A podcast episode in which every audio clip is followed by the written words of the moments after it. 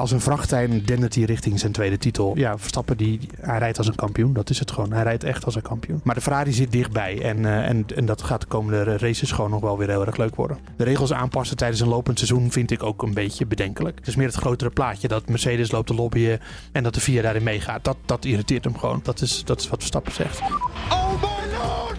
This is getting manipulated, man. We needed a bit of luck. Oh my god! Max Verstappen, you are the world champion!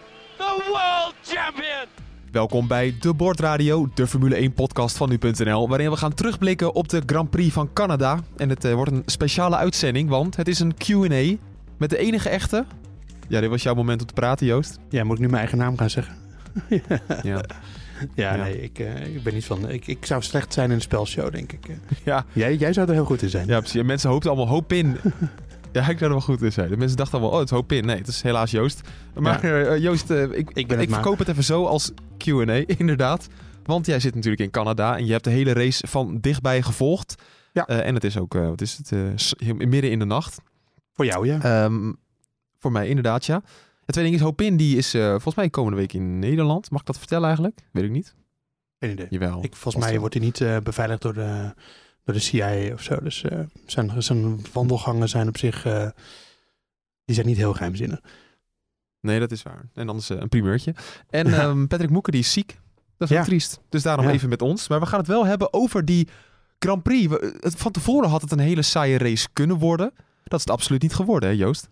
Nee, ik, eh, ik moet zeggen, ik was, eh, ik was vrij eh, somber gesteld. En eh, ik, eh, Ja. ik bedoel, dat, dat is even vanuit het entertainment perspectief natuurlijk. Ehm, want Ja. ik, ik, zat vanmorgen ook in die, eh, in de, je gaat hier, eh, hoe dat gaat als media. Je gaat eerst als me, in, via de metro, ga ik van mijn hotel dan eh, naar het... naar, het, naar de plek waar de shuttles vertrekken. Want het, is- het is natuurlijk op een eiland, dit circuit. in, in de rivier hier bij Montreal. En daar kun je eigenlijk... Je kunt Ja. er wel met de auto komen, maar het is gewoon handiger om met de shuttle te gaan. En dat is efficiënter, want je zit met acht, negen man in een shuttle. Ehm, en dan kom je daarna kom je tussen al het publiek en je staat in de file. En ik zat in, zag in de metro al ontzettend veel fans. Topsfeer, kan niet anders zeggen. En toen dacht ik, En wa- wat voor fans zijn dat dan eigenlijk daar? Ehm, nou, van alles. Je ziet heel veel McLaren-shirtjes, valt me wel op. En, eh, en ook Oh. wel veel Verstappen-shirtjes. En, en uiteraard, hè, die rode jongens, die zijn er ook altijd eh, die zijn ruim vertegenwoordigd. Maar ik, ik kreeg er een beetje het gevoel dat ik dacht van... Ja, jullie, jullie gaan een, rij, een saaie race tegemoet vandaag.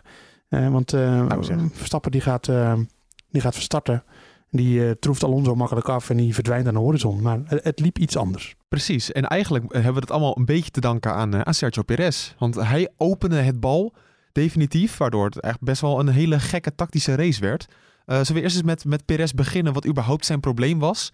Hij zei zelf een, een drive shaft. Wat is Ja. dat precies? Die, eh, de aandrijfas die zit tussen, ja, die zit tussen het, het achterwiel en de, ehm, en, en de versnellingsbak. Die zorgt dat de, de, de krachten van de motor worden overgebracht naar, de, naar het achterwiel. Dus ja, als daar iets eh, niet goed zit, dan, eh, ja, dan gaat het wiel niet draaien en dan, dan kom je niet vooruit, kan ik je vertellen. Nee, want het leek ook even alsof het een soort van de motor was, maar dat, dat was het niet, hè? Nou ja, eh, ik heb geen hele hoop rook gezien van wat ik me ervan kan herinneren. Dus eh, nee, volgens mij viel hij gewoon stil. En eh, ja, kijk, het kan, ik kan me voorstellen dat het voor hem misschien voelt alsof er iets met de motor is of met de versnellingsbak.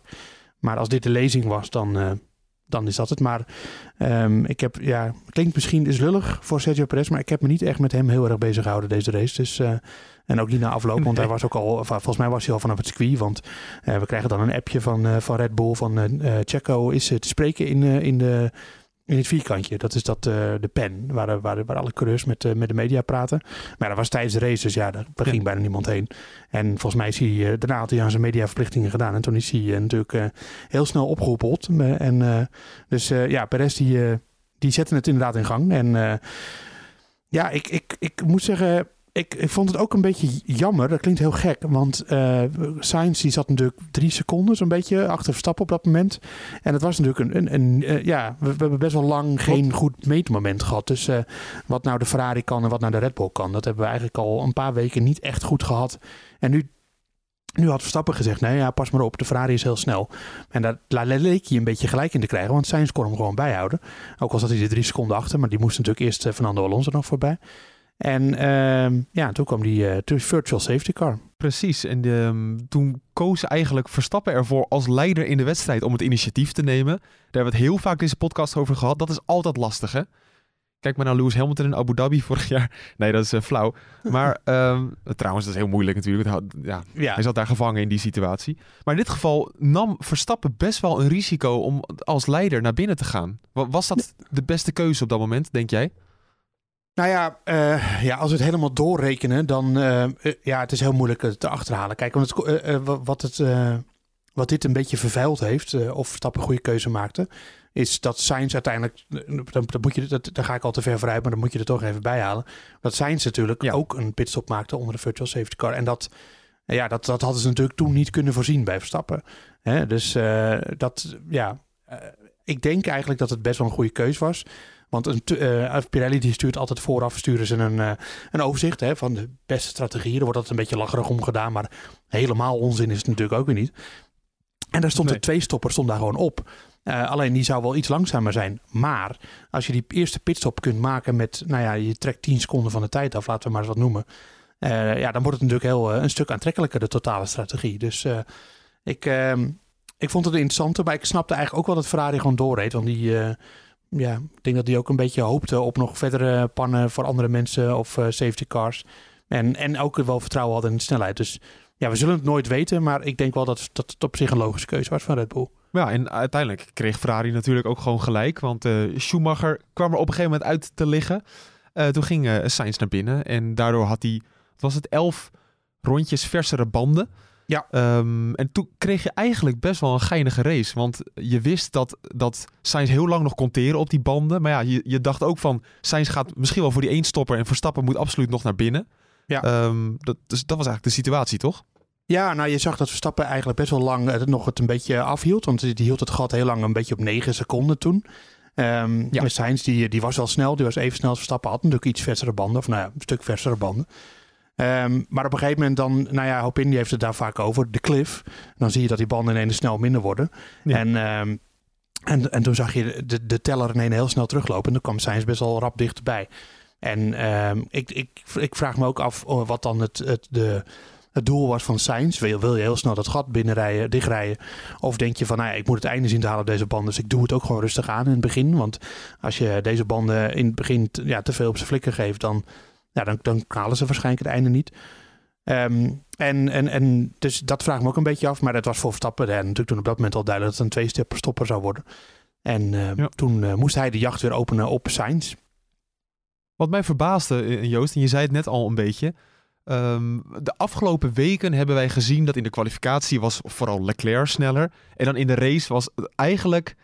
Nou, Baku was nog een beetje een twijfelgeval, maar de rest was redelijk makkelijk voor, voor Red Bull. Omdat ze de hogere snelheid hadden qua topsnelheid, maar ook omdat ze goed met de banden om konden gaan. Je zag nu eigenlijk tijdens deze race dat Sainz misschien over de hele wedstrijd gezien wel gewoon 2, 3 tienden sneller was. En ook nog eens beter met de banden uh, om kon gaan, leek het. Ja, nou ja, als je die twee stints van, uh, van uh, op de harde band naast elkaar legt, dan inderdaad, uh, Sainz die was gewoon door naar het einde gegaan. die hoefde in principe niet meer te stoppen. En Ferrari had wel uitgerekend nee. dat hij dat op een fatsoenlijk tempo kon doen. Nou moet je daar ook altijd weer mee in achting nemen dat hij dan natuurlijk ook een lichtere auto hebt, omdat zijn stint op de harde band later in de race is, hè, dus leger de tank.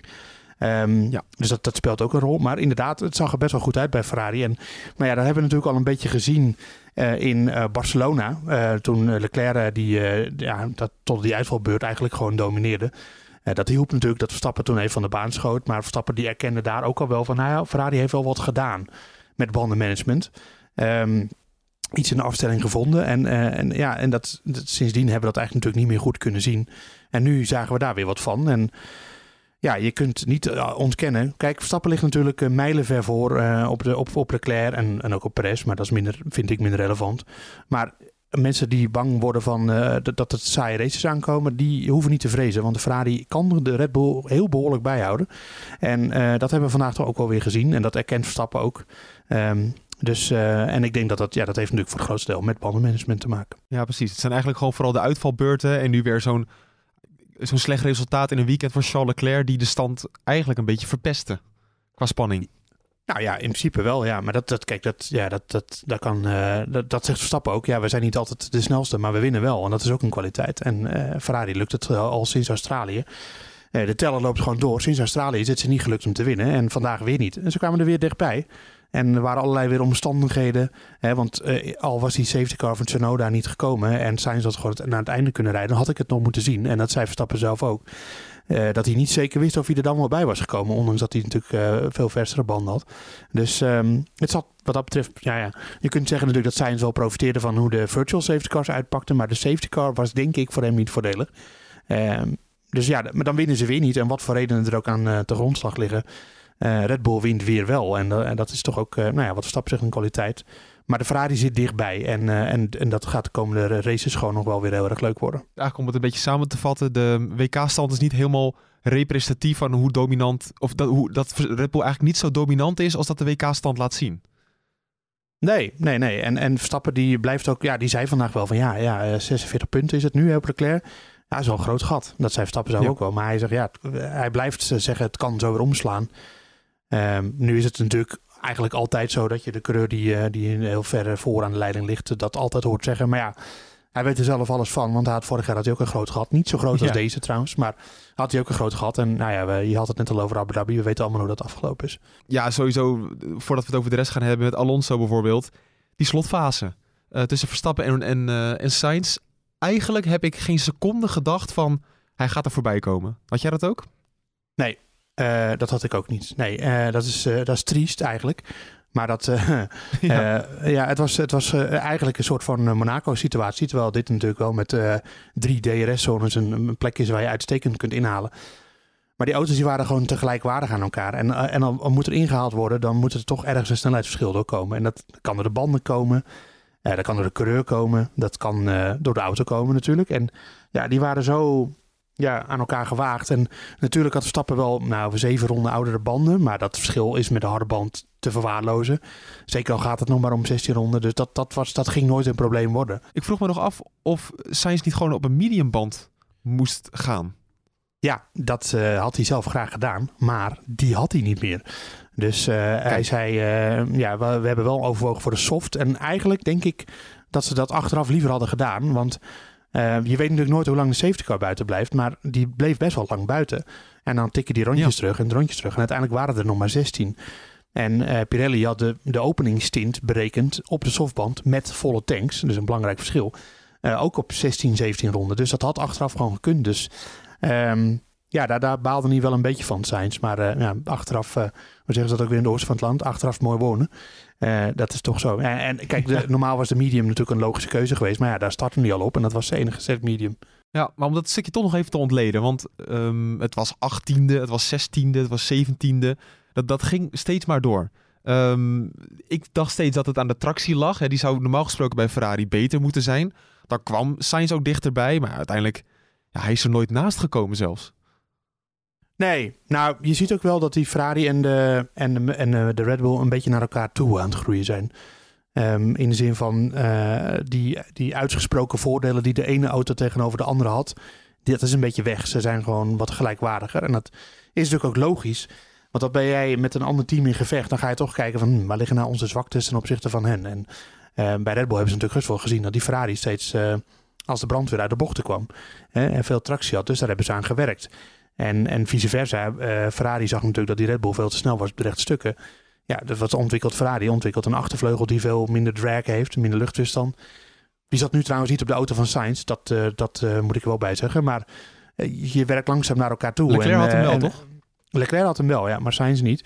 Dat is natuurlijk logisch, want eh, van Leclerc was duidelijk dat hij moest gaan inhalen. Dus eh, ja, dat, eh, maar voor Sainz was het niet nodig. Want over een hele, snelle, hele ronde was die, die wat grotere achtervleugel toch sneller. Dat hadden ze weer uitgerekend bij Ferrari. En eigenlijk werd het daardoor een beetje een eentonig eindbeeld. Behalve dat het gewoon natuurlijk heel erg spannend was. Ik denk, eh, ja, Verstappen zei het zelf ook in het interview. Dit vindt hij nou leuk. Hij hoeft helemaal niet dominant te winnen. Hij wil gewoon lekker racen, wil hij. Proper racing noemde hij het. Proper racing. Echt Ja. als vanouds. En eh, dat is het. Kijk, en Verstappen die, die vindt het natuurlijk gewoon heerlijk. Ehm, dat, is ook, dat is ook trouwens natuurlijk achteraf praten. Dat, eh, maar hij stond natuurlijk onder druk. Eh, en dan moet je geen foutjes maken. En dat is, ja, hij zei al, als ik één keer ergens me, weet ik veel, een bak overstuur had gehad. Of ik, ik was ergens te ver doorgeschoten. Dan had hij me gepakt. Sainz. Maar dat deed Verstappen niet. En dan kijkt hij Ja, daar dat- natuurlijk met heel veel plezier op terug.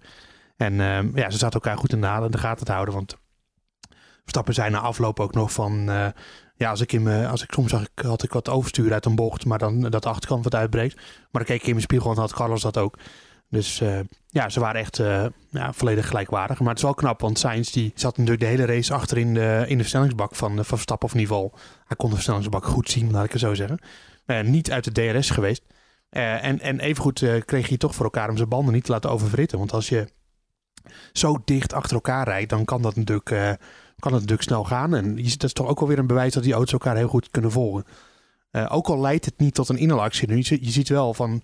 Dit had met de vorige generatie auto's echt niet gekund. Dat, dat Sainz rondenlang achter Nee. Verstappen zat. En in, die, in de vuile lucht. En proberen bij te blijven. Proberen naartoe te kruipen. Ja, dan gaan je banden zo heel snel naar de maan, normaal gesproken. En dat, ja, dat is misschien ook een kwaliteit van Sainz. Maar dat, eh, dat ging toch allemaal wel heel erg goed. Dus ik denk dat wat dat betreft.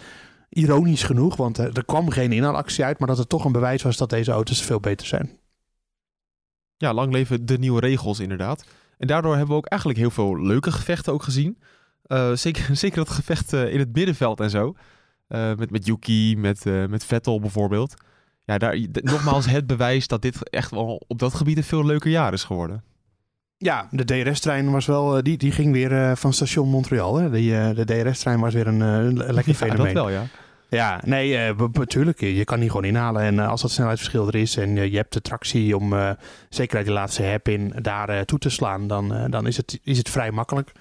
Ik moet wel zeggen, dan heb je natuurlijk nog dat tweede DRS-gedeelte eigenlijk op start-finish. Nou, de chicane, ja, daar wordt bijna nooit meer ingehaald. Dus dat, dat is ook wel weer jammer. Want een echt mooi duel, die eerste bochtencombinatie van Montreal in, dat is ook wel, eh, dat, zou- dat is ook wel, dat zie ik graag, laat ik het zo zeggen. Hey eh, Joost, 46 punten Ja, is het verschil.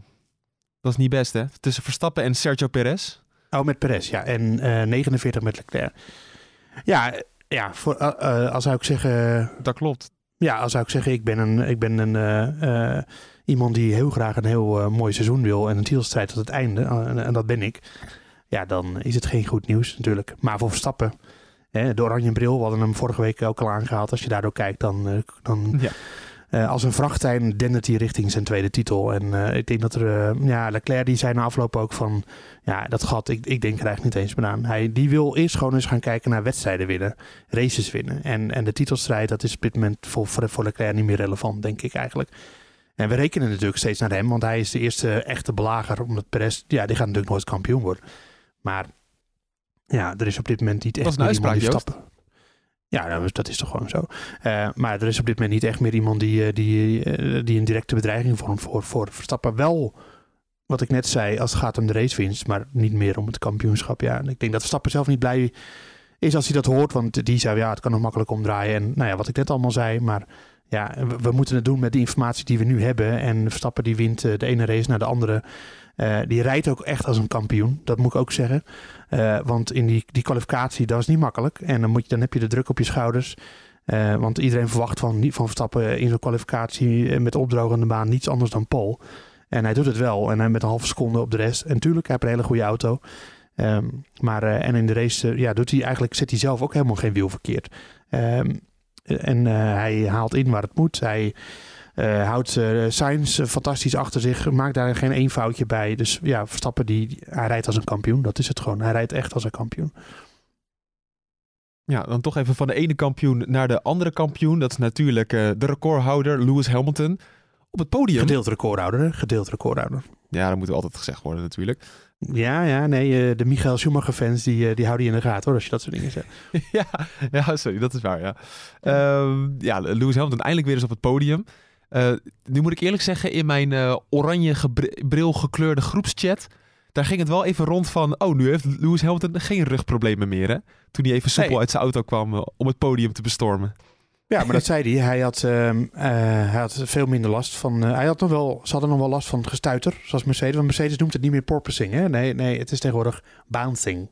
Bouncing. En dat, ja, tuurlijk. nou ja, dat kan ik ook wel even snel uitleggen. Want ze hebben de auto eigenlijk zo afgesteld dat hij niet meer per se dat porpoising effect heeft. Dus ehm, de onderbroken luchtstroom onder de auto door. Maar dat hij gewoon ja, zo stijf is geveerd nu dat hij gewoon alleen maar stuitert. Ehm, en daar had hij veel minder last van, want hij had zelf uh, becijferd dat hij 10G verticale klappen kreeg in Baku en nu maar 2. 2G. Uh, dus hij uh, zat ja. met een brede glimlach na afloop in de persconferentie. Um, ik heb hem eigenlijk alleen maar zien lachen. Nou, dat is ook leuk voor hem, toch? Dat het, uh, dat weer, hij had het gevoel dat hij weer kon knokken vandaag. Dat hij, dat hij ergens om meedeed.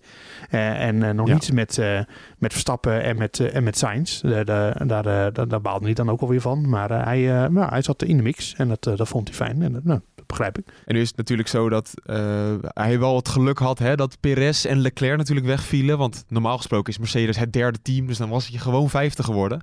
Maar dat zat een keertje mee voor hem. Eindelijk.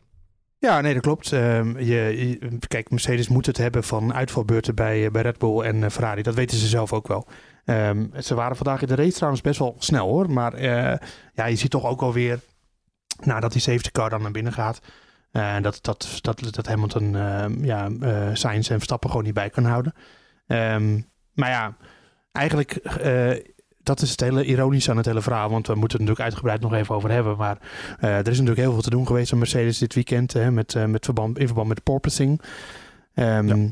Maar het is niet zo dat ze, ja, dat ze met een paar regelwijzingjes die auto in en recht gaan trekken. Die auto die is echt niet goed. Hè? Als je het gewoon, uh, als je hem langs de Ferrari Red Bull meetlat legt, dan komt hij gewoon in, op rondetijden vaak gewoon een halve seconde per ronde tekort in de race. Nou, ga dat maar eens uitrekenen over een race van 70 ronden. Weet je. Dat, nu kwamen ze natuurlijk best wel uh, er nog dichtbij door die safety car en alles. Maar ze zijn nog steeds geen partij voor die andere twee. En uh, dan gaat ook een maatregel tegen porpoising hè, of een tweede stangetje, de second stay, uh, gaat er niet bij helpen. Ja, want vroeger hadden wij een, het technische hoekje van, van jou, Joost. Zullen we gewoon het rubriek, of zullen, ja, de rubriekje weer even ophalen? Ja, dat vind ik prima. Ja, we hadden daar een mooi bumpertje van. komt hij aan. Box, box, box, box. Ja, heerlijk ouderwetse bumpertje wel. Um, we moeten het even hebben over de second stay. Uh, dat is iets waar ik voor dit weekend nog nooit van gehoord had. Uh, maar als je zegt een stangetje dat verbonden is aan de vloer, dan heb ik dat wel vaker gezien. Maar dat was altijd maar eentje, toch? Ja, de first stay. had je daar wel van ah. gehoord, van de first stay? Uh, eigenlijk ook niet. Ik, had, ik kende alleen maar het stangetje. Ja, nee, um, ja, dat stangetje is eigenlijk totaal niet, is helemaal niet zo heel relevant. Maar aan de andere kant toch ook weer wel. Want het is maar een stangetje. Maar het, dat zit zo. Um, uh, ze zijn allemaal op zoek naar om de vloer zo stijf mogelijk te maken. En zo ja, eigenlijk zo stevig mogelijk te maken. Dat er zo min mogelijk uh, flex in zit. Want dat, dat, dat, als je dat onder controle hebt, dan helpt dat uh, tegen, tegen porpoising. Um, en ja. nou ja, wat is, er, wat is er handiger dan gewoon een ouderwetse uh, een stangetje vastmaken aan iets aan de rand van de vloer en die ergens aan de motor of ergens aan een stijf gedeelte van het chassis, uh, het liefst zo hoog mogelijk, om daar ook vast te maken dat het aan elkaar verbonden is, dat je, dat je die beweging er een beetje uithaalt. Nou, de meeste eentje is toegestaan aan, aan weerszijden. Dus de, de first stay, hè, dat, die heette nooit de first stay, maar dat is gewoon de stay. Um, die zat er al. Ja. Alleen in die uh, technical directive, die donderdag door de VIA is uitgevaardigd, waar, uh, waarin al die maatregelen tegen porpoising stonden, daar stond ook, uh, er, stond, ja, er stond eigenlijk best wel veel. Um, maar ook onder meer dat, dat teams mogen experimenteren, bijvoorbeeld met zo'n second stay. En wat bleek nou? Mercedes had ze al bij zich ook. Donderdag kwam de technical directive en vrijdag zaten ze op de auto. Ja, er waren wel wat andere teams die zeiden van ja, ja opvallend dat ze dat ze die al wijzig hadden. Maar wisten ze het of zo? Of, uh, nou ja, dat, dat, dat, daar heeft Mercedes zelf geen uitleg over gegeven. Maar um, uh, ze hadden dus zo'n second stay. en ja, dat, dat, kan op allerlei manieren. Want het is gewoon een simpel stangetje. Ze kunnen ook de, degene die er al op zat, dat, dat ze daar nog twee exemplaren van hadden, die gewoon wat ingekort hebben. Uh, weet ik veel, gat in de vloer geboord, uh, een ophangspunt daar aangemaakt. En gewoon, weet je, zo simpel kan het soms zijn. Of, uh, of je kan ook denken, Mercedes ja. heeft hiervoor gelobbyd bij de FIA dat dit moest komen. En, en die hadden ze gewoon op de gok al bij zich in de hoop dat die technical directive zou komen. Dat kan natuurlijk ook. Um, ik denk niet dat de FIA ze heeft ingefluisterd van, hey, als jullie nou alleen die stangjes meenemen naar Canada, zijn jullie de enige die ze hebben. Um, maar er was, ja, ze, hadden natuurlijk wel een vermoeden dat dit eraan zat te komen. Uh, maar het is maar echt een klein onderdeel in de enorme rel die er is uh, tussen, uh, nou ja, eigenlijk kun je zeggen Mercedes, maar er zijn best wel veel coureurs die zijn het eigenlijk eens met Mercedes. Eh, en de andere teams. En eh, ja, die, die gaan nog net niet rollenbollen met elkaar over straat. Eh, Toto Wolf die schijnt eh, zaterdagavond in een meeting met eh, de andere teambazen flink te, tekeer zijn gegaan. En ja, het, het, het, is, eh, het is oorlog eigenlijk. Het is, het is, het, eh, het is eh, heel erg dat het porpoising uiteindelijk echt tot zo'n enorm conflict zou gaan leiden. En dat, eh, daar draaide het eigenlijk dit weekend achter de schermen vooral om. En, en, en minder om het racen, wat wel zou moeten. Want om het toch nog even in te leiden, hè, dat kwam ook toevallig nadat wij net de podcast maandag hadden, hadden opgenomen. Of wat Ja. was het, donderdag. Ja. Ehm, dat dus de regels voor, voor purposing worden veranderd. Eigenlijk is het, om het simpel gezegd zo te zeggen, volgens mij Joost, als je, als je aan het bouncen bent, dan moet je de auto omhoog zetten, net zolang tot het niet meer gebeurt. En gebeurt het wel, dan word je op termijn gedisqualificeerd. Ehm, n- nou, dat is niet helemaal hoe het zit. Eh, het is, het is Oh. eigenlijk tweeledig, maar die, die technical directive die is en, ontzettend uitgebreid en die wordt in principe niet naar de media verstuurd. Eh, wij krijgen gewoon een soort van samenvattingje en er zijn wel mensen met hele goede bronnen die hem dan toch onder ogen krijgen. Eh, ik, heb, ik heb er hele grote delen van gezien, dat wel. Eh, er stond nog veel, veel meer in, maar de hoofdmoot Oh, is tweeledig. Eh, en dat was eh, ten eerste, eh, ze gaan kijken naar de, de, de houten plank, die trouwens niet echt van hout is, maar van een soort ander materiaal. Ehm, eh, of die niet te veel afslijt. Dus als die auto heel erg aan het stuiten is, dan zou je zeggen, hij, die slijt natuurlijk af. Want elke keer wordt die, komt hij in contact met asfalt. Door dat porpoising en bouncing en wat voor andere stuitervormen er allemaal nog meer zijn. Ehm, en de skidblocks, die kennen de mensen misschien niet letterlijk, maar die zien wel vaak bij nachtraces al die vonken achter de auto. Die komen van de skidblocks. Dat zijn vaak titanium blokken of stangetjes of stukjes rails die zitten in de vloer verwerkt om te zorgen dat ehm, eh, het koolstofvezel waarvan de vloer niet is gemaakt niet per se zelf geraakt wordt, maar eerst die titanium blocks. Eh, en die slijten natuurlijk ook, ook al is het titanium, wat een bijzonder hard eh, metaal is. Maar als dat allemaal te veel slijt, dat kan de VIA zien, dan gaan ze zeggen van, Ja. hey, jullie auto moet omhoog. Maar dat is, dat is deel Oké. 1 van de regels. Want er is ook nog een andere. Ja. eh, je had denk ik voor dit weekend nog nooit van eh, verticale acceleratie gehoord in, eh, in Formule 1 context. Nee, ik sla dat wel eens over, dat, Ja. dat Formule 1 woordenboek inderdaad. Ja, ja, ja, nee, precies. Nou ja, dat, dat is te meten. hoeveel verticale acceleratie er is. Dat is natuurlijk hoe hard je op en neer gaat. en vooral hoe snel dat proces gaat. Op en neer gaan, daar gaat het uiteindelijk om. Porpoising is natuurlijk ook op en neer gaan. Dus dat, die, die beweging die moet gelimiteerd worden. Maar dat kun je niet met één limiet doen voor alle auto's. Want niet alle auto's zijn hetzelfde. Dus wat gaat de VIA doen?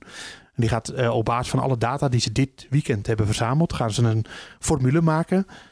En binnen die formule, eh, die, die gaan ze dan toepassen op al die auto's. En dan, nou, daaraan moet je dan voldoen. Dus als jij dan te veel verticale acceleratie hebt, dus te snelle op- en neerbeweging, laat ik het even simpel uh, Jip taal houden.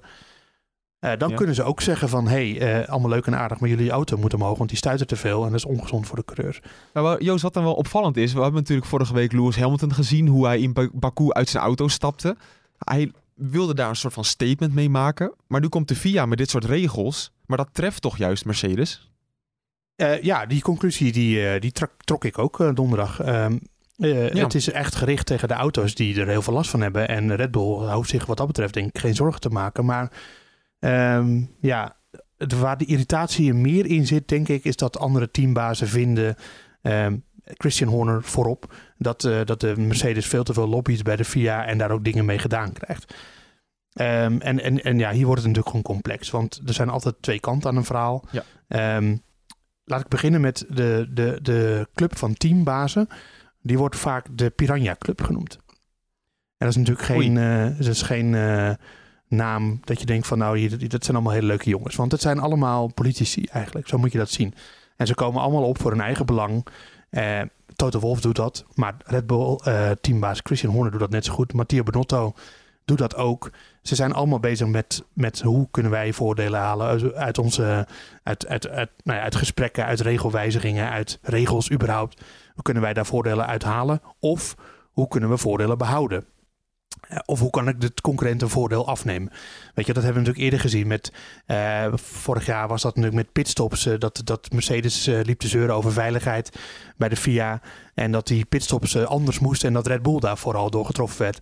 En, op, eh, en Red Bull heeft Ja. vorig jaar weer lopen zeuren over motorstanden. En eh, de party mode. En toen moest Mercedes ineens de party mode opgeven. Weet je, daar zijn ze continu mee bezig. En alles wat ze zeggen, Dat is allemaal daarop gericht. En het is echt niet alleen Toto Wolf. Toto Wolf doet dat, maar Christian Horner doet het precies hetzelfde. Die is ook alleen maar bezig met, uh, met zijn eigen hachje verdedigen en, en proberen de anderen de loef af te steken. Dat is, dat is wat teambazen doen. Uh, dus je moet al, niet alles wat ze zeggen niet altijd even serieus nemen, want ze zeggen het eigenlijk altijd om een reden. En die reden is, hoe worden wij er beter van? Uh, en, uh, en dat is wat er nu gewoon ontzettend gaande is. Want de Red Bull heeft een voordeel, want zij hebben een auto die niet stuitert. Mercedes heeft een nadeel, want zij hebben een auto die wel stuitert. Mercedes wil dat de regels aangepast worden, zodat zij van het stuiter af kunnen komen. Red Bull wil absoluut niet ja. dat regels aangepast worden. Hoe dan ook niet. Dus ook niet als dat in het voordeel van Mercedes, of tenminste niet per se in het voordeel van Mercedes uitpakt, bedoel ik. Dus ja, wat zeggen Verstappen? Verstappen zegt ja, nee, ik, vind, ik ben principieel tegen de regels aanpassen. Um, nou ja, en uh, bedoel, dat, is, dat is trouwens een lezing waar ik me heel goed in kan vinden. Want de regels aanpassen tijdens een lopend seizoen vind ik ook een beetje bedenkelijk.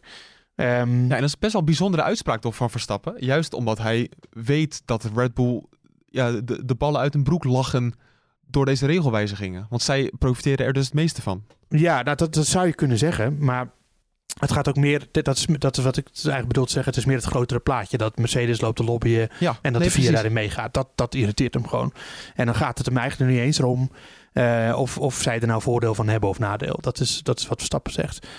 Ja, Christian Horner is natuurlijk een beetje een ander verhaal. Want die uh, zegt ook van, nou ja, de tussentijdse regels inpakken. En uh, Mercedes loopt te lobbyen bij, bij de FIA. Maar ondertussen is Christian Horner al vijf races op rij uh, aan het mopperen dat de, de budgetlimiet op moet, uh, moet worden aangepast. Daar zie je dat het bij, uh, hij, dat is echt een politieke oorlog van hem, die hij voert tegen de VIA. van, nou ja, het wordt allemaal veel te duur, vrachtkosten, dit en dat, reizen de pan uit. En, en het, moet allemaal, en de budgetlimiet moet, moet verruimd worden, want anders dan halen we de laatste vier races van het seizoen niet en anderen halen dat ook niet. en dat is ook altijd dat is een beetje wat hij steeds zegt. En dan denk ik, ja, dus je wil niet dat regels aangepast worden. Maar eigenlijk zegt hij, andere regels, ja, die moeten wel aangepast worden duren, gedurende het seizoen. Dus daar zit natuurlijk ook een beetje een, uh, en laat ik zeggen, een lichte tegenstrijdigheid in. Um, uh, dus ja, ik bedoel, ik, ik zie als ik uh, wat over dit onderwerp schrijf of op Twitter kijk, dan zie ik altijd dat de VIA alleen maar naar Mercedes luistert. Dat, dat is gewoon niet zo. Uh, maar Mercedes heeft natuurlijk nu, nu, een reden om heel erg te lobbyen, want zij hebben een probleem. Dus ja, zij zetten alle middelen in om daar vanaf te komen. Um, maar anderzijds, als zou Mercedes de auto zijn die niet stuitert en Red Bull zou ontzettend stuiteren, dan zou Christian Horner ongeveer exact zeggen nu wat Toto Wolff allemaal zegt en vice versa. Dus ja, dat is gewoon het leuke aan dit wereldje. En, uh, en uh, het is politiek tot en met. En um, ja, die die lopen daar een beetje tussendoor. En die hebben ook een beetje hun eigen mening, gelukkig, in deze kwestie. Want Sergio Perez die is eigenlijk een dissonant bij Red Bull. Want die vindt het wel goed dat er een regelwijziging komt tegen stuiteren. En, en Ferrari is ja. niet per se tegen een, uh, tegen een regelwijziging. Maar nou, Sainz is natuurlijk hetzelfde. Die vindt ook dat er wat moet aangepast worden. En Leclerc die vindt dat er helemaal niks moet aangepast worden. Um, ja, dus zo uh, praten ze. die coureurs die zitten niet allemaal op één lijn. Leclerc en Verstappen zijn duidelijk de... de de, de dissonanten in deze kwestie. Want, want alle andere coureurs die vinden eigenlijk allemaal dat het goed is dat er wat wordt gedaan. En Perez, of uh, Leclerc en Verstappen niet. Ja, maar wat wel um, gewoon moet gebeuren is dat het, het, purposing moet stoppen. Vooral als je gewoon kijkt naar de veiligheid van de coureurs. Terwijl al die coureurs ook zeggen, dat zeggen ze bij Aston Martin bijvoorbeeld ook al. Ja, wij, wij zetten de auto niet zo laag, want anders wordt het gewoon niet meer comfortabel. Dus het blijft nog steeds een keuze van die teams. En dat is toch eigenlijk wel raar aan deze regelwijziging. Um, ja, maar Mercedes, of dat, is, dat is een verhaal wat er pas van dit weekend uh, is hoor. Maar dat is, ja, dan ga je natuurlijk ook denken, waarom zeggen ze dat? Maar Hamilton die zegt, nee, ja. onze auto kan niet hoger. Nee, die, die staat al op zijn hoogst. Um, terwijl... Nou, geloof me, als ik die auto omhoog til, dan gaat het echt wel lukken hoor. ja, terwijl dat is ook een beetje gek, want ze zeiden uh, uh, vanaf Barcelona, toen hadden ze het porpoising, hadden ze een beetje verholpen, zeiden ze. Toen zijn ze omlaag gegaan. Um, en toen uh, kwamen ze tegen gestuiter aan. Dus ze zijn omlaag gegaan en nu kan hij niet meer hoger.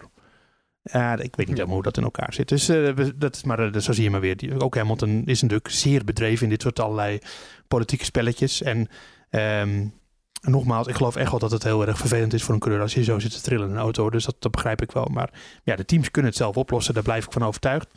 Frans Toost, Tosba, teambaas van Alfa Tauri, die zei zaterdagochtend ja, het is een Formule 1 auto, het is geen Rolls Royce. En als ze hier niet mee willen rijden, dan gaan ze maar lekker thuis achter de tv, achter de tv zitten en, uh, en uh, op de bank en, en, niet meer Formule 1 rijden. En ja, Otmar Safnauer van, van Alpine die zegt van ja, ja wij, wij gaan gewoon niet zo laag met, eh, met de auto, want dat is, eh, dat, is, eh, dat, dat is niet goed voor onze coureurs. Weet je, die, eh, die, dat is een veiligheidsprobleem. Maar andere teams kiezen ervoor om dat wel te doen.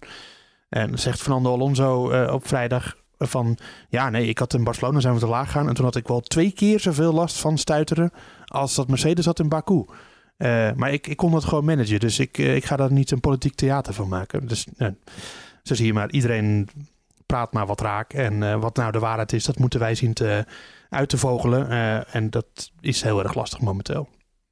Ja, maar om het dan toch een beetje, om een beetje een conclusie aan te verbinden. De FIA heeft dus gemeten dit weekend hoe dat zit met die houten plank waar je net zegt. En, ehm, en eh, ook die, die verticale acceleration. Ehm, dat gaan ze dus, hebben ze genoteerd. En wat gaan ze er dan mee doen in Silverstone? Komen er dan al consequenties of disqualificaties? Hoe moeten we dat zien? Nee, ik denk dat het zo'n vaart niet loopt. Ehm, het sowieso is nog niet vast. Het zou dit weekend al ingaan. Vanaf de derde vrije training was het verhaal. Dat stond in ieder geval wel in die technical directive. Nou, dat hebben ze dus opgeschoven. eh, omdat ze toch wel eh, vonden dat het, eh, dat het kort dag was. Ehm, en eh, ja, nu wordt waarschijnlijk vanaf Silverstone over twee weken de Britse Grand Prix. Dat wordt dan het eerste moment. En eh, ja, dan, dan, ja, dat, dat, ja, dan moeten we het gewoon gaan zien wat er gaat gebeuren. Ja. Eh, en moeten we gaan zien of, of de auto's wel echt zoveel omhoog moeten als we denken. Of dat het eigenlijk wel meevalt. Want hoeveel mag zo'n plank dan precies afsluiten? Dat, weten we niet. Of een skidblok. eh, en Nee. die formule voor eh, die eh, op en neergaande beweging, dat weten we natuurlijk ook nog niet. Dus daar ja, staan nog hoop vraagtekens open. En sowieso wel interessant, over twee weken is de Grand Prix van Silverstone dus. En dat is altijd wel een traditioneel circuit waar grote updates worden meegenomen, toch? Dus misschien dat het wel daadwerkelijk opgelost gaat worden.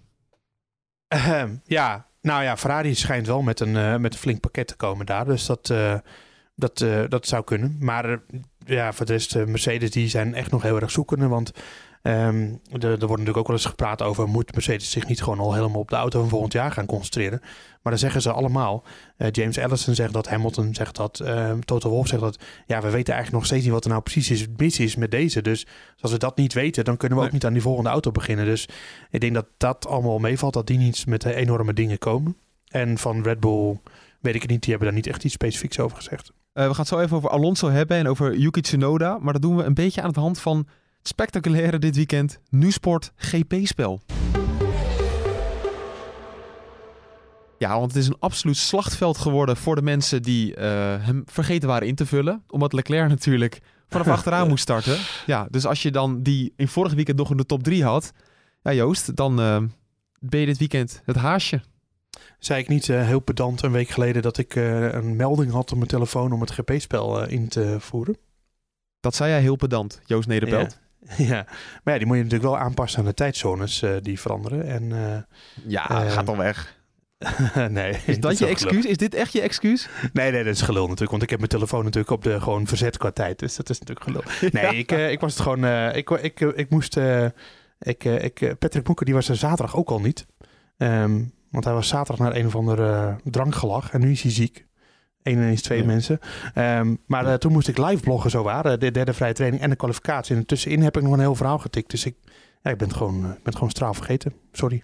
Ja, maar, ja, de consequenties die zijn stevig voor jou, Joost. Want jij stond vorige week nog volgens mij top 50. Ik heb het niet helemaal onthouden, maar ik dacht wel dat je in de top 50 stond. Ehm, ik ben even gaan kijken. Jij bent... Laten we ervan uitgaan dat het zo was. Ja, laten we dat gewoon doen. Je bent gezakt naar plek 272. En dat komt omdat je in het weekklassement als 700ste bent geëindigd. 729. Maar eh, laten we mijn eh, niet ingevulde GP-spel niet te veel eh, aandacht geven. Want wie heb er Oh, nou, gewonnen? dan doen we dat wel bij iemand die dat met gezond verstand heeft gedaan. Dat is Patrick Moeken. Die is 719e geëindigd. Vreselijk. Ja, nu om even af te maken. Ik ben zelf als 140ste geëindigd en daardoor sta ik nu 62ste in het klassement. Dat vind ik hartstikke netjes. Maar de- de eer gaat absoluut naar Jos de Bos, 82. Die man die echt al weken in de top 5 staat. Die is nu ook nog eens weekwinnaar geworden. En op een manier, dat is echt niet normaal. Want hij had namelijk een team met Verstappen, Sainz, Ocon en Magnussen. Maar het mooiste was, hij had Alonso op P2 in de voorspelling. En Jos de Bos die staat al wekenlang op die, eh, op die positie in de top 5. En die gokt dan toch met Alonso op plek 2. Ja, vind ik niet normaal. Respect eh, daarvoor. Betaalt zich uit. Hij, eh, Ja, is goed hè. Hij deelt de eerste plaats overigens met de, eh, van het weekklassement met Bjorn Tijhuis, Elisa Abraham en Jappie 1908. Dat is een Feyenoord-fan volgens mij. De oprichting van Feyenoord, geloof ik, dat jaar. Dus eh, dat is hartstikke mooi. Ehm, en ja, het was natuurlijk cruciaal deze week om Alonso in je team te hebben, die dus vanaf P2 mocht starten. Ja, en die zei nog op de zaterdag van, ik, ik bij de start, ik ga all in. Ik ga er alles aan doen om als eerste door die eerste bocht te komen. Maar het een van de, van de minst goede starten van het seizoen, hè? Ja, dat kwam bijna van eh, maximum, eh, maximum attack eh, terecht. En Ja. nou ja, dat, het is ook natuurlijk maar een klein aanloopje naar de, naar de eerste bocht hier. Dus je moet echt heel goed van je plek komen. Vanaf zo'n tweede plaats wil je de leider bedreigen. Ehm Sainz die had hem bijna zelfs nog te pakken. Dus het was inderdaad niet zijn beste start van Alonso. Maar ik heb, ik heb zaterdag wel weer van hem genoten. En ja, hij is natuurlijk al 40. Ehm, maar ik, je- je- hij, kan nog, hij kan nog aardig sturen, even goed. Dat, dat heeft hij nog wel redelijk in de vingers. En eh, ja, het is zelfs nu nog een beetje de vraag of hij zijn contract gaat verlengen hè, na het eind van het jaar. Dus eh, dat eh, kan best zijn dat er nog een paar jaar aan hem vastzit. Ja, en dat zou ik hartstikke leuk vinden. Want hij kleurde eigenlijk nog steeds wel het weekend. Niet helemaal de race, want dat ging niet goed. Hij eindigde als P7, maar heeft nog een straf gehad van 5 seconden. Waardoor hij is teruggezakt naar P9. Eh, waarom was die straf eigenlijk, Joost? Weaving, weaving on the straights. Eh, dus eh, ja, te veel heen en weer gaan. Ehm, maar ik, ik moet nog één grappig eh, dingetje vertellen van Alonso. Want ik stond na afloop stonden we even met hem te praten. En eh, hij was boos. eh, want vanaf ronde Leuk. 20 had hij een motorprobleem. Dat was niet helemaal. dat, was, dat was niet helemaal. dat droeg niet bij aan een goed resultaat, laten we het zo zeggen. Was hij, Alonso verloor hij daar een seconde per ronde bij. En hij heeft vervolgens alleen maar staan afgeven, eigenlijk wel op het team van eh, ja, dat auto 14, car 14. Eh, auto 14, dat die, eh, ja, die moet wel betrouwbaar zijn. Want als auto 14 niet, niet betrouwbaar is en niet goed is, dan, dan kan hij niet presteren.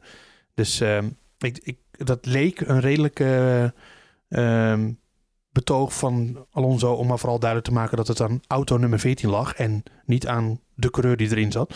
Dus, eh, want hij vond zelf eigenlijk dat hij niks fout had gedaan dit weekend. En nou ja, dat, daar kun je ook niet zoveel van zeggen natuurlijk. Dat eh, klopt.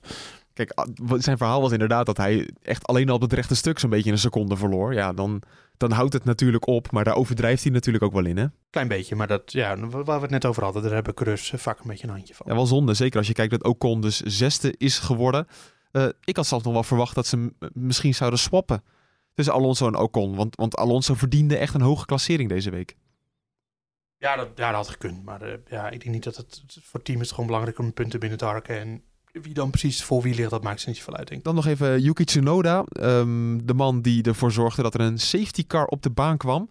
Ja, hij is de af- afgelopen weken lekker bezig. In Baku reed hij volgens mij ook zesde, als ik het goed heb. Zesde of zevende. En toen had hij natuurlijk de problemen aan zijn auto. Ja, en nu maakte hij een ongelofelijke blunder. Wat is dat nou toch met hem? Ja, ik moet, ik moet eerst wat bekennen, want ik maakte zelf ook een blunder. Ehm, Oh. Want ik, ik, ik, was even, ik was even naar de wc op dat moment. en eh, het pitgebouw hier in... eh, Een race van twee uur, kan je dat niet ophouden? Nou, nee, niet dus. En eh, het pitgebouw Oh. eh, is, zo ingericht dat de wc en het mediacentrum, de ingang van het mediacentrum, vrij ver uit elkaar liggen. Dus ik moest, eh, ik moest echt even flinke wandeling maken naar de wc. Maar ja, kijk, na, na zo'n race dan moet je naar buiten met coureurs praten, persconferentie, tikken, tikken alsof je leven ervan afhangt. Dat, dat, dan heb je daar geen tijd meer voor. Dus ik, ik dacht, ja, of ik ga nu. Dat was net het moment natuurlijk dat Verstappen in ging lopen op Sainz. Ik denk, nou, dat gaat, daar gaan we een paar ronden overheen. Dus eh, ik denk, eh, kan wel even weg. Dus ik was heel even weg, kwam ik terug. Safety car, Yuki in de muur. Ehm, maar eh, ja, ik heb, er, ik heb er eerlijk gezegd nooit meer een herhaling van gezien. Dus je, ja, licht de kijker vooral in wat er gebeurde. Want de luisteraars, ik, ik weet het niet. Wat een lekkere analist ben jij, Joost. Dit is... Ja, zo eerlijk ben ik gewoon af en toe. Ja. ja, ik weet zeker dat de mensen het zelf wel gezien hebben. Hij blokkeerde bij het uitgaan van zijn... bij een pitstop.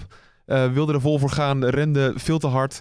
En eh, kwam uiteindelijk in de, in de barriers terecht, waardoor er dus een safety car kwam. Ehm, maar toch jammer voor Yuki, die eigenlijk de afgelopen weken liet zien dat hij steeds meer kan matchen met de Pierre Gasly. De man die ook in 2023 gaat rijden voor, eh voor Alfa Tauri. Want zo is het, dat is bevestigd hè, door, eh, door Frans Toost. Ja, dat, eh, dat zei hij eventjes zo eh, tussen neus en lippen door. Maar ehm, Ja. hij, hij, hij zei ook alsof het allemaal eh, beklonken was. eh, alsof iedereen dat eigenlijk had moeten weten. Maar eh, Ik, eh, ja. Ja. het was mij even ontgaan in ieder geval. En dan nog meer eh, nieuws. Ehm, er werd ook gezegd dat Oscar Piastri 100% in 2023 in de Formule 1 rijdt. Eh, ja, dat ja, 100% eh, heeft Otmar Safnauer volgens mij niet letterlijk gezegd, maar hij zei wel gewoon dat het... Hij, zei, hij rijdt volgend jaar Formule 1. En toen zei hij ja. dus Ja. dat klopt, ja. En we weten natuurlijk inmiddels ook wel een heel klein beetje waar. Dat is natuurlijk bij Williams, want ehm eh, Nicolas Latifi die loopt eigenlijk wel een klein beetje als een, eh, met zijn ziel onder zijn armen bij dat team rond. Presteert natuurlijk voor geen meter. Eh, zo eerlijk moeten we zijn. Is gewoon niet goed genoeg voor de Formule 1. Zo eerlijk moeten we ook zijn. En ja, is op Piastri, die, is heel veel praat van dat hij al eerder in die auto komt zelfs. Maar dat hij er volgend jaar in zit. Ja, en dan heeft Williams met Albon en Piastri, denk ik best wel een leuk team eigenlijk. Dus ehm, Ja. alleen nu nog een goede auto. Ja, zal ik zou wel trouwens lekker zijn. ook nog, nog een wc-verhaal. Ja, ik kwam eh, wc-verhalen, dat kunnen we ook gewoon een keer in een podcast. Latifi, die kwam ik dus vlak voor de race tegen in de wc. Dat is wel een rare gewaarwording. eh. Maar is er geen eh, soort van coronabubbel nog of zo? Dat je nog wel een beetje uit elkaar... Nee, nee, nee, nee, ook corona dat bestaat hier niet. Dat, dat, alleen het openbaar vervoer moet je nog mondkapjes op, maar op het circuit is daar niks meer van te merken. Dus Latifi, ja. vlak voor de race kwam ik hem tegen op de wc. Vond ik toch wel opmerkelijk. Dus, en daarna reed hij ook echt een, eh, geen goede race. Dus eh, ik weet niet wat er met hem was. Ja, het veel gezeik had hij. En door. ik denk dat we het En door, thuis. Ik denk dat dit het gewoon het einde is, eh, Joost, van deze prachtige Q&A-versie van de Boordradio.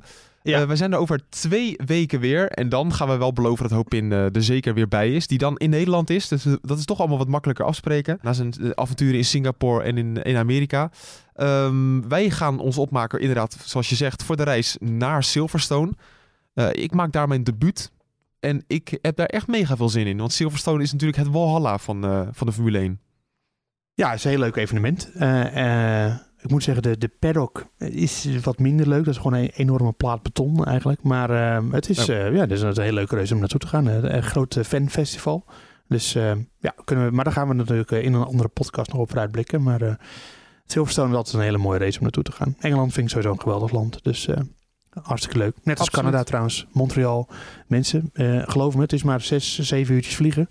En eh, het is echt een geweldige stad om te zijn. Echt eh prachtig bruisende stad met oude delen, nieuwe delen.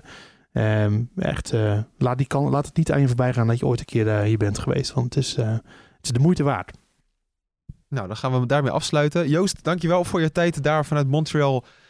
Dan rest mij alleen nog om te zeggen: vergeet niet te abonneren op deze podcast. Dat kan natuurlijk via Spotify of via Apple Podcast. Twee voordelen. Ten eerste is dat je een melding krijgt wanneer het online staat. Ten tweede, het wordt automatisch voor je gedownload, waardoor je dus in de auto direct kan gaan luisteren, bijvoorbeeld. Dat is hartstikke handig. En bijvoorbeeld, vergeet geen recensie achter te laten op Apple eh, of op Spotify vooral. Via Spotify is dat heel makkelijk. Ik had dat twee weken geleden opgeroepen, Joost. En we hebben nu het dubbele aantal recensies sinds dat ik het voor de eerste keer opriep. Volgens mij Ja. werkt het. Je hebt, je hebt zo'n eh, zo'n botje lopen, zeker op je computer. Eh, dat hij elke keer opnieuw een recensie invult. Je hebt altijd maar blijft stijgen. Dan, blijf, dan blijf ik ook kijken. Ja, ja, ja, ja. Nee, zo is het ook. Nee, dus het wordt zeer gewaardeerd. En heb je ook nog, eh, nou, nog vragen voor ons? Dan kan het allemaal via Twitter, eh de Bordradio. Dat is hartstikke handig. Maar mag natuurlijk ook altijd via de mail, via podcast.nu.nl. En zou ik zeggen, Joost, veel plezier daar. En tot over twee weken bij de Fruitblik op de Grand Prix van Engeland. Tot dan. Yes. Ciao.